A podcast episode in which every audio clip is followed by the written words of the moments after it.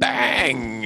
I dina öron, i ditt huvud. Den här rösten du hör, det är inte din, men ändå blir den din för din hjärna gör den till din och du behöver inte blunda nu om du kör bil, serverar kaffe eh, som är kokhett eller gör en hjärnkirurgi. Men idag ska det handla om det som är så spännande, hypnos. Jag heter Ulf. Och jag heter Fredrik. Ja, precis. Hypnos, det är för, fortfarande fascinerande efter alla dessa år. Hypnos is the shit. Ja, ja, det är faktiskt det. Och det, det finns otroligt mycket man kan göra. Och, och det är ett mentalt tillstånd kan man säga. Alltså jag läste Mark, Turell som är en sån här engelsk terapeut som jobbar jättemycket och mm, skriver. Alltså duktig. Han skrev en lång artikel häromdagen där han säger varför, varför borde hypnos vara en del av all terapi, coaching, kommunikation och samtal? Jo, därför att vi är hypnotiska varelser. Mm, jag, jag håller helt med. Så eh, egentligen är det väl, kan man säga att det är väldigt mycket som är hypnos. Eh, man kan säga att om du lever in i en film och, tycker, och är helt inne i filmen så är mm. du i hypnos. Det är bara det att när vi kallar det för hypnos är det mer specifikt. Då är det oftast att ja, man vill uppnå ett resultat, oftast med klienter, eller man vill göra det för att man kan göra roliga saker som underhållning. Ja, och det är ju så här också att barn är ju någonstans i ett mer hypnotiskt tillstånd än vad vuxna är, eh, nästan fram till 8-12 års ålder beroende på hur deras omständigheter är. Och det är därför att vi lär oss bättre eftersom det egentligen är bara olika former av superfokus.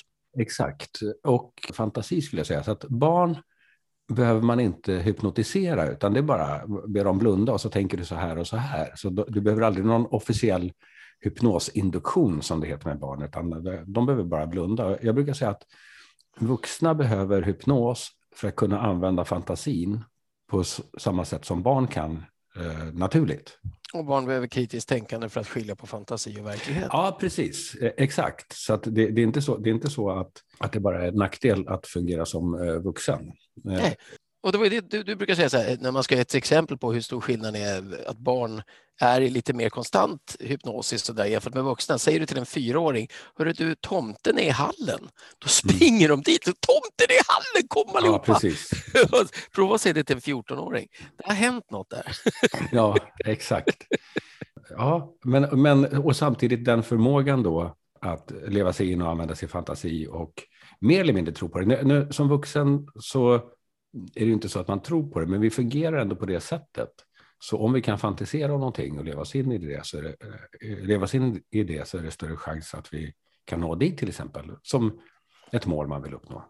Och där det kan man på ett, ett, ett, jag kommer inte ihåg om det var Sveriges Radio eller Sveriges Television, det var också ett väldigt bra intervju om hypnos. Där de, det var tv där de, där de förklarade att, använde ordet upplevelsehjärnan. Hjärnan, den del av hjärnan som skapar upplevelser. Och då spelar det ingen roll om det är en extern upplevelse, jag upplever att jag är på en fantastisk konsert, eller en intern, jag minns en fantastisk konsert, eller en dröm. Det känns som att jag är på en fantastisk konsert och det känns som att det är på riktigt. Exakt. Eh, Upplevelsehjärnan är ett ganska bra ord. Eh, och det där har vi ju väldigt stor nytta av när vi väljer. Och det, och det är en av fördelarna med hypnos, att vi kan välja vilka fantasier vi vill leva oss in i. Men den där hjärnan är ju konstant aktiv, så till exempel när vi oroar oss, tänk om det här händer och tänk om det här händer, kanske spela upp något läskigt scenario i huvudet. Då är det samma del av hjärnan, men då har vi inte valt det. Nej, precis. Eh, man, man, man, kan ju säga att en, en bakendröm kan man säga en psykos, kan man säga upplevelsehjärna. Att se demoner ingen annan ser är en upplevelse i hjärnan som skapar någonting utifrån det som når dina sinnen är det som skapar upplevelsen vare sig du återuppskapar den eller tar in den utifrån. Om det är psykos då, då, då har man, eh, nu tänker jag bara fritt här, men, men då borde ju då det vara när man har tappat den här kritiska förmågan och inte kan skilja på fantasier som hjärnan skapar och verkligheten? Ja, jag skulle vilja säga så här. I, i hypnos, eh, man kan, jag brukar säga så här att du, tänk dig att du har liksom ett kontrollcenter någonstans i ditt system.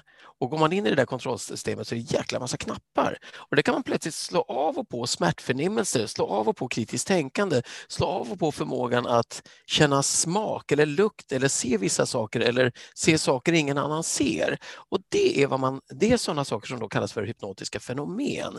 Man kan skapa negativa hallucinationer, det vill säga saker försvinner, du kan inte se en stol längre. Eller positiva, här kan du plötsligt se en, en nallebjörn överallt där det ligger en penna.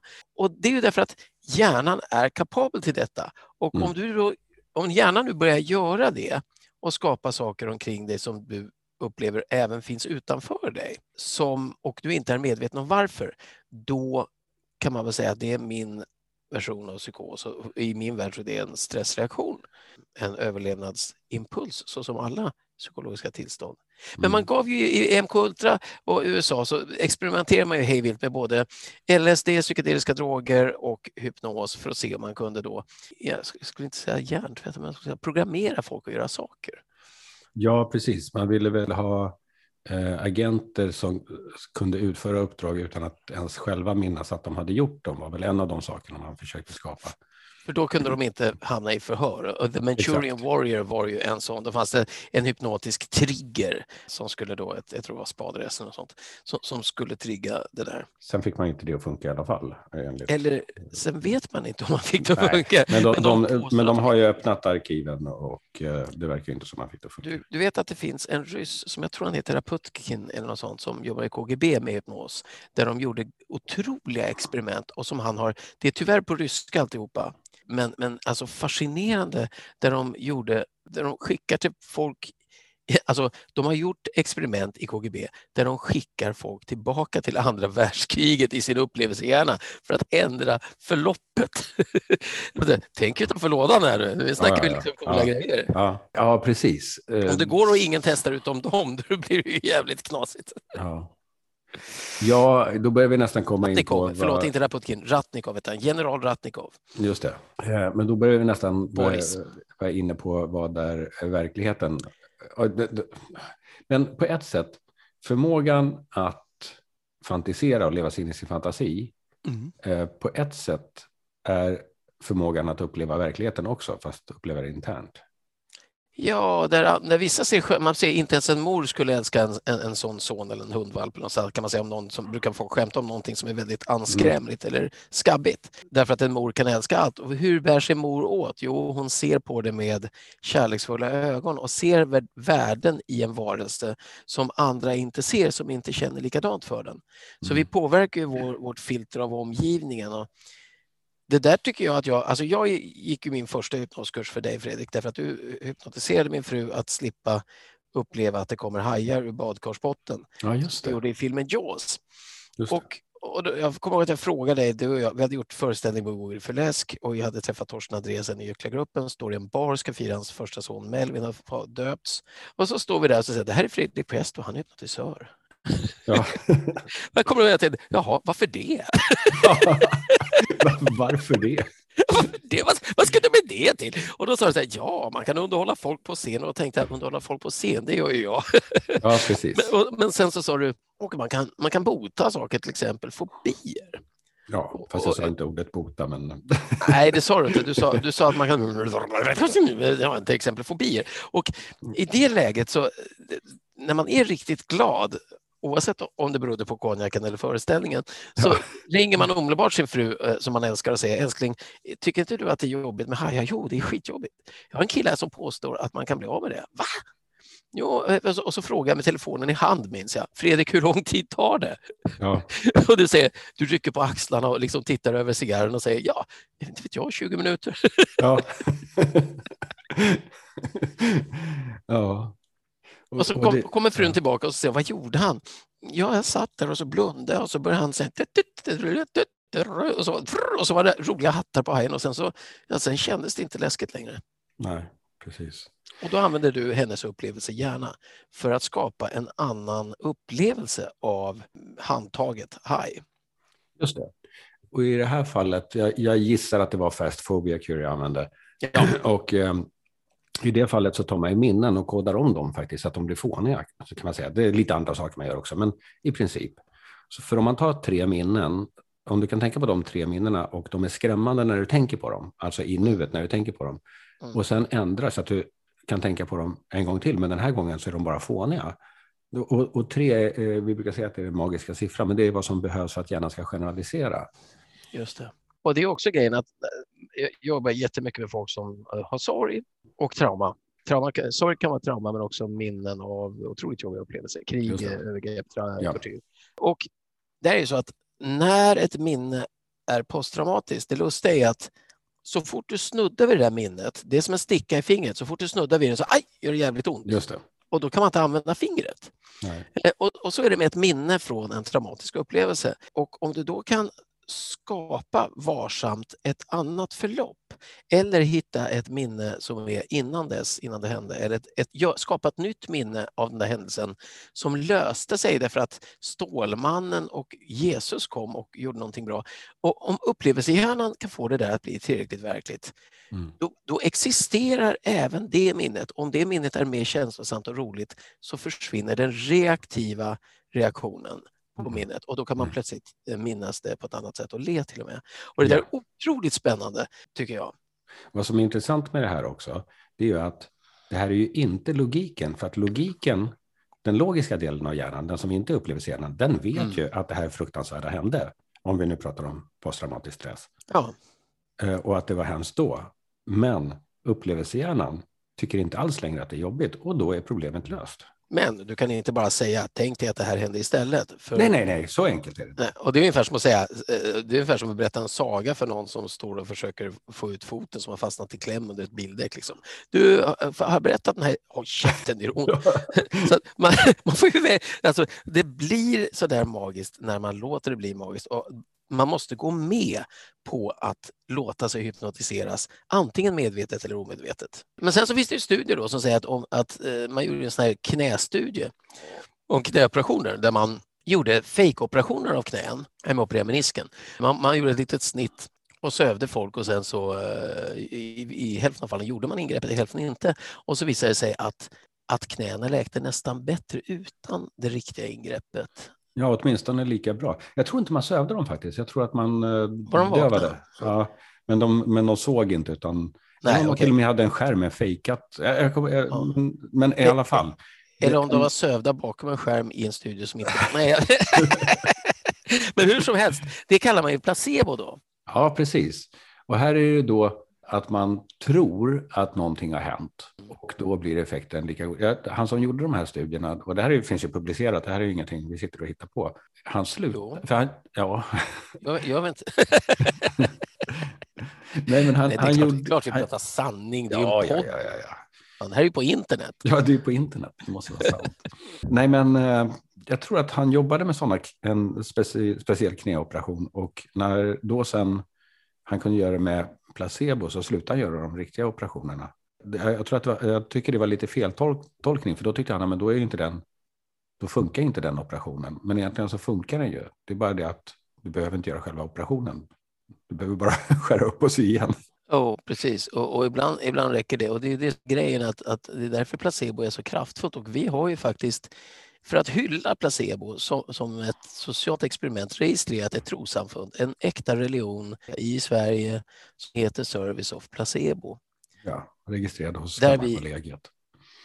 Ja, och där vi eh, sedan många, många år nu faktiskt har ett riktigt, ett riktigt trossamfund. Vi har till och med genomfört äh, möten som då, om man nu har ett trossamfund, kallas för gudstjänst. Men vi menar att Gud är kroppens helande kraft i vårt samfund. Ja, precis. Eh, för att få registrera, för att få ha ett trossamfund så måste man ha gudstjänst och då får den, jag för mig att det får inte heta någonting annat. Nej, det, ska, det, är, det, är, det, är, det är där det är.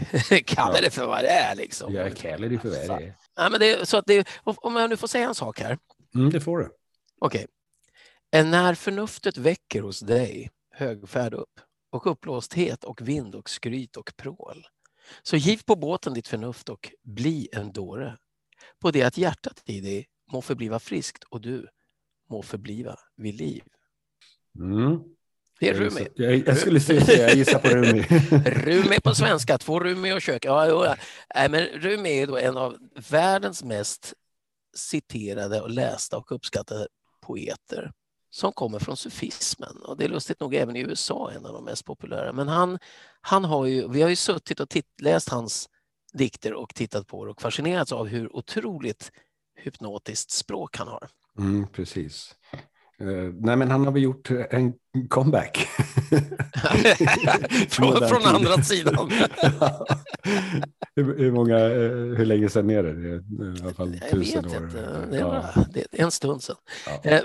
Men, men, det är ju då vad vi kallar för, du har ju en självhypnotisör. För all om man säger så här, man brukar säga, och det är en filosofisk fråga, att mm. all hypnos är självhypnos. Mm.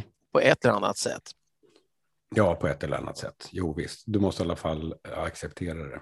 Ja, och, men jag tänker mer på det att, att all, hela din bild av världen, allt du tror är möjligt och omöjligt och vad du tror om dig själv, till och med depression eller eufori eller att vara förälskad, är hypnotiska tillstånd. Då är det en, en självhypnos som man inte väljer, men som vi konstant utsätter oss själva för. Absolut. Då och det, vår, vår kompis och homie Andrew, uh, nej James Tripp, han kallar faktiskt det för en toxic trance om man är deprimerad eller om man mm. är... Ja, om, om, man då, om man då upprepar för sig själv hela tiden, det går inte, kan inte, vill inte, kommer aldrig att fungera, har vi provat för, det är kört.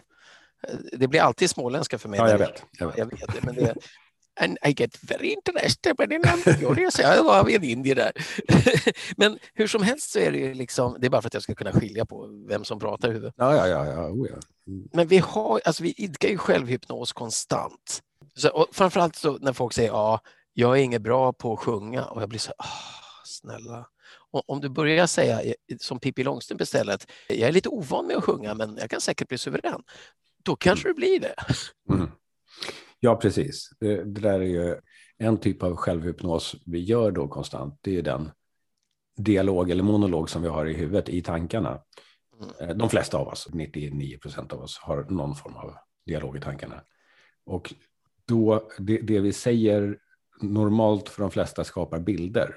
Och bilderna reagerar på. Ja.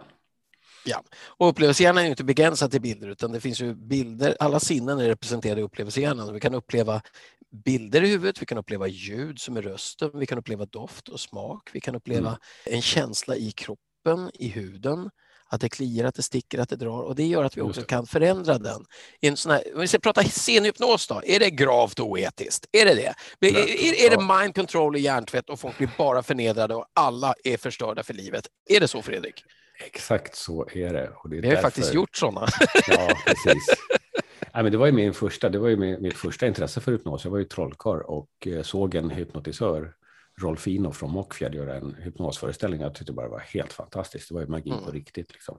Men grejen är ju så här, de som har varit uppe på scenen och varit hypnotiserade, de har en enormt cool upplevelse. Det, målet för mig i alla fall, eh, och när vi gjorde vår hypnosföreställning, det var jag, det var ju att de som, ska vara, de som var uppe på scenen efteråt ska vara stolta och glada över det de gjorde. Och då kan man ju säga så här, ja, men tänk om någon, någon råkar göra bort sig på scen och blir skrattad åt. Det händer faktiskt när folk går fram upp på scen i helt andra sammanhang också. Det har inte att göra med att det är hypnos, det har att göra med att det är dålig smak eller uh, att det är dåligt, helt enkelt bara då, dåligt. dåligt, dåligt, bara Bu. dåligt. Bu, bad doggy, no soup for you. Nej. Det har ingenting att göra med själva hypnosen därför att du gör ingenting rakt mot din vilja. Om, om du hypnotiserar någon på scenen och säger låtsas att du är en jätterolig aerobicsinstruktör. Det är jättemånga som i vanliga fall är introverta som plötsligt upptäcker den sidan hos dig mm. därför att den andra hypnosen bryts. Där de i vanliga fall säger jag är inte sån som går upp på scen. Exakt. Och, och de är nästan, de, de är ofta lyriska efteråt. Mm, för att de upptäcker en ny sida hos sig själva. Ja. Men om du går upp och säger till någon att eh, direkt när de har gjort det så har de gjort en annan grej, det har kliat och de har upplevt att de blir kalla och sen varma, så enkla grejer med sinnena. Och, och sen nästa, och de kan inte lyfta sig från stolen och handen är fastlimmad vid pannan. Skitskoj för ögonblicket för att det är så här, nej, händer det verkligen? Men om du sen skulle säga till folk, och nu vill jag att ni alla klär av er, då ska folk bara sluta. Ja, utom ett fåtal då. Som, som då faktiskt vill klä av sig.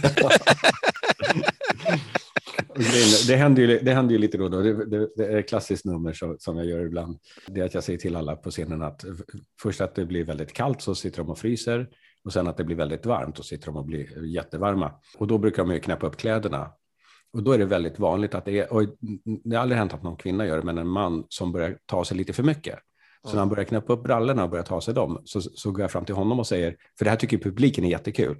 Mm. Och jag vet ju att han är helt okej okay med det, men det kommer ju skyllas på hypnosen efteråt. Just det.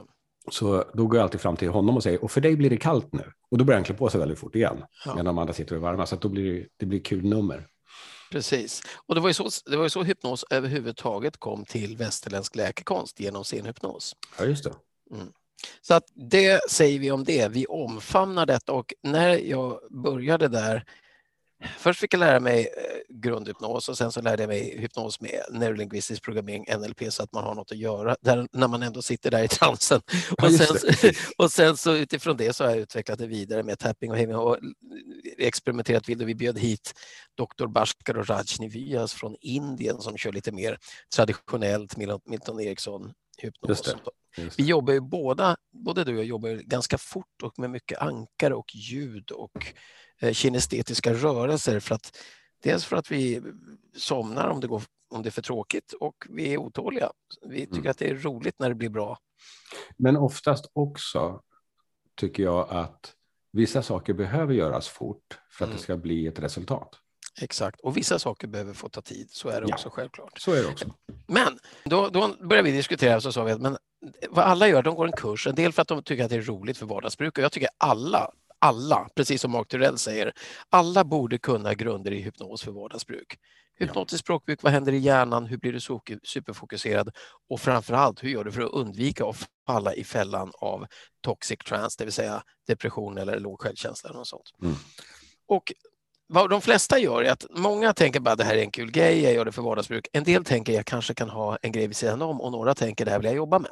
Och det första de gör då sen är att de sätter sig och, och, och, börjar bygga en hemsida.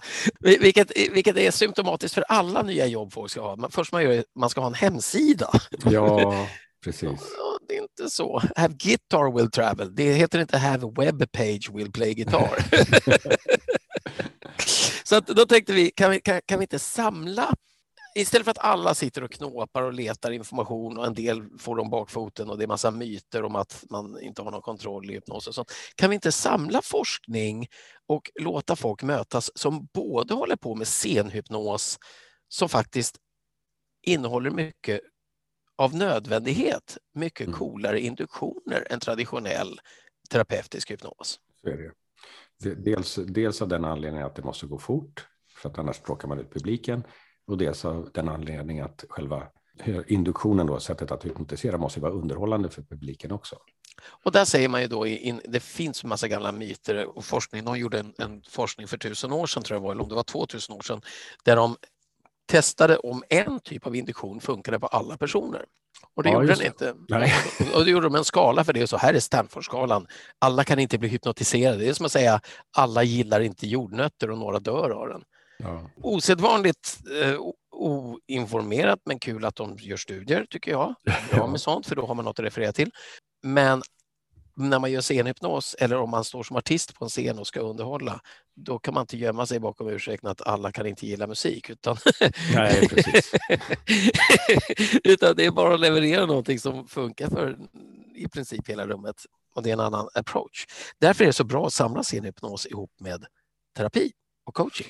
Ja, det tycker jag också. Och också, så, som du sa, en del tycker bara att det är spännande och kul och en del jobbar med det och en del uh, har det som extra knäck, som ett gammalt klassiskt ord. Ja, eller man bara vill använda det, man liksom tycker det är roligt. Alltså, det är en av de enklaste sakerna du kan göra, med, även utan hypnos, men med hypnos är mycket kraftfullare, det är ju att, att lösa fobier för folk. Mm. Och det kan du alltså göra på 10-15 minuter. Det är världens bästa partytrick som faktiskt också gör en livsförändring för människor och som många går 10-20 gånger i andra former av terapi för att göra, som också löser på sikt. Men, men alltså det är ju för att det går att göra med det väldigt fort och det är väldigt mm. spännande och det är enkelt. Ja.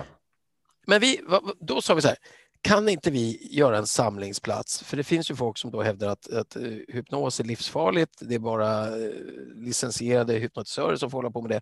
Och då tycker vi att det är tramsigt därför att mm. varenda barn gör det utan tillstånd och varenda förälder också. Ja. Uh, om du inte är duktig i skolan kommer du att dö. Liksom, snacka om hypnos från början. Ja, men då gjorde vi en då tänkte vi, men, hypnos är ju mentorskap. Man hjälper varandra. Kunskap ska flyttas från scenen till terapirummet, från terapirummet till hobbyn, från hobbyn till studiecirkeln och så vidare. Så då skapade vi ett gille. Ja, International Hypnotist, Hypnotists Guild. Just det. Och det är inte bara för att det är knepigt att säga, utan för att Nej. det är kul. Nej, men alltså international är ju därför att vi har massor av internationella nätverk och kontakter. Hypnos är stort i många länder. Och sen att det är ett gille, det är för att det är mentorskap. Man, man ses, man umgås, man gör, man testar. Ja, och också för att det är ett hantverk. Så ja, fast verbalt och Konsthantverk mentalt skulle jag vilja säga. Hantverk. Ja. Jo, men det, det, jag brukar säga det, alla hantverk kan du det tillräckligt bra så är det en konstart. Då heter det internationalhypnotistsguild.com och där finns en hemsida på svenska och på den så finns det en massa artiklar. Där kan man läsa om hur man blir hypnotisör, hur man blir hypnotiserad, man kan lära sig, det finns en blogg, det finns filer för självhypnos som man kan testa och man kan bli medlem på två nivåer. Man kan bli medlem aktivt för att man vill jobba med det. Även om det är vid sidan om så bör man ha vissa grundkunskaper och etik och Ja, precis. Det, där finns ju etiska regler också som man godkänner. Och, sådana saker. och en juridisk kurs som ingår gratis. Ja. Juridik och etik för komplementär aktivitet. Ja. Men så har vi också hypnos för vardag som är ungefär som en prenumerera på en tidning kan man säga. Ja, precis. 199 spänn. Lite sådana där små tips ja. och tricks som, som faktiskt alla borde kunna. Och månadens självhypnos, en fil. Som, ja. fan, alltså, och, och jag skulle säga så här, av allting man håller på med så är hypnos någonting alla gör omedvetet. Och mm. precis som att du kan gå, alla äter mat och lagar den, men om du lär dig lite mer om det så blir det så ofantligt mycket bättre och roligare. Jag tycker man ska gå in på den där hemsidan och titta lite och framförallt, jag tycker man ska gå in och så här, man ska gå in ungefär som att Gröna Lund har lämnat bakdörren öppen och det är ingen vakt.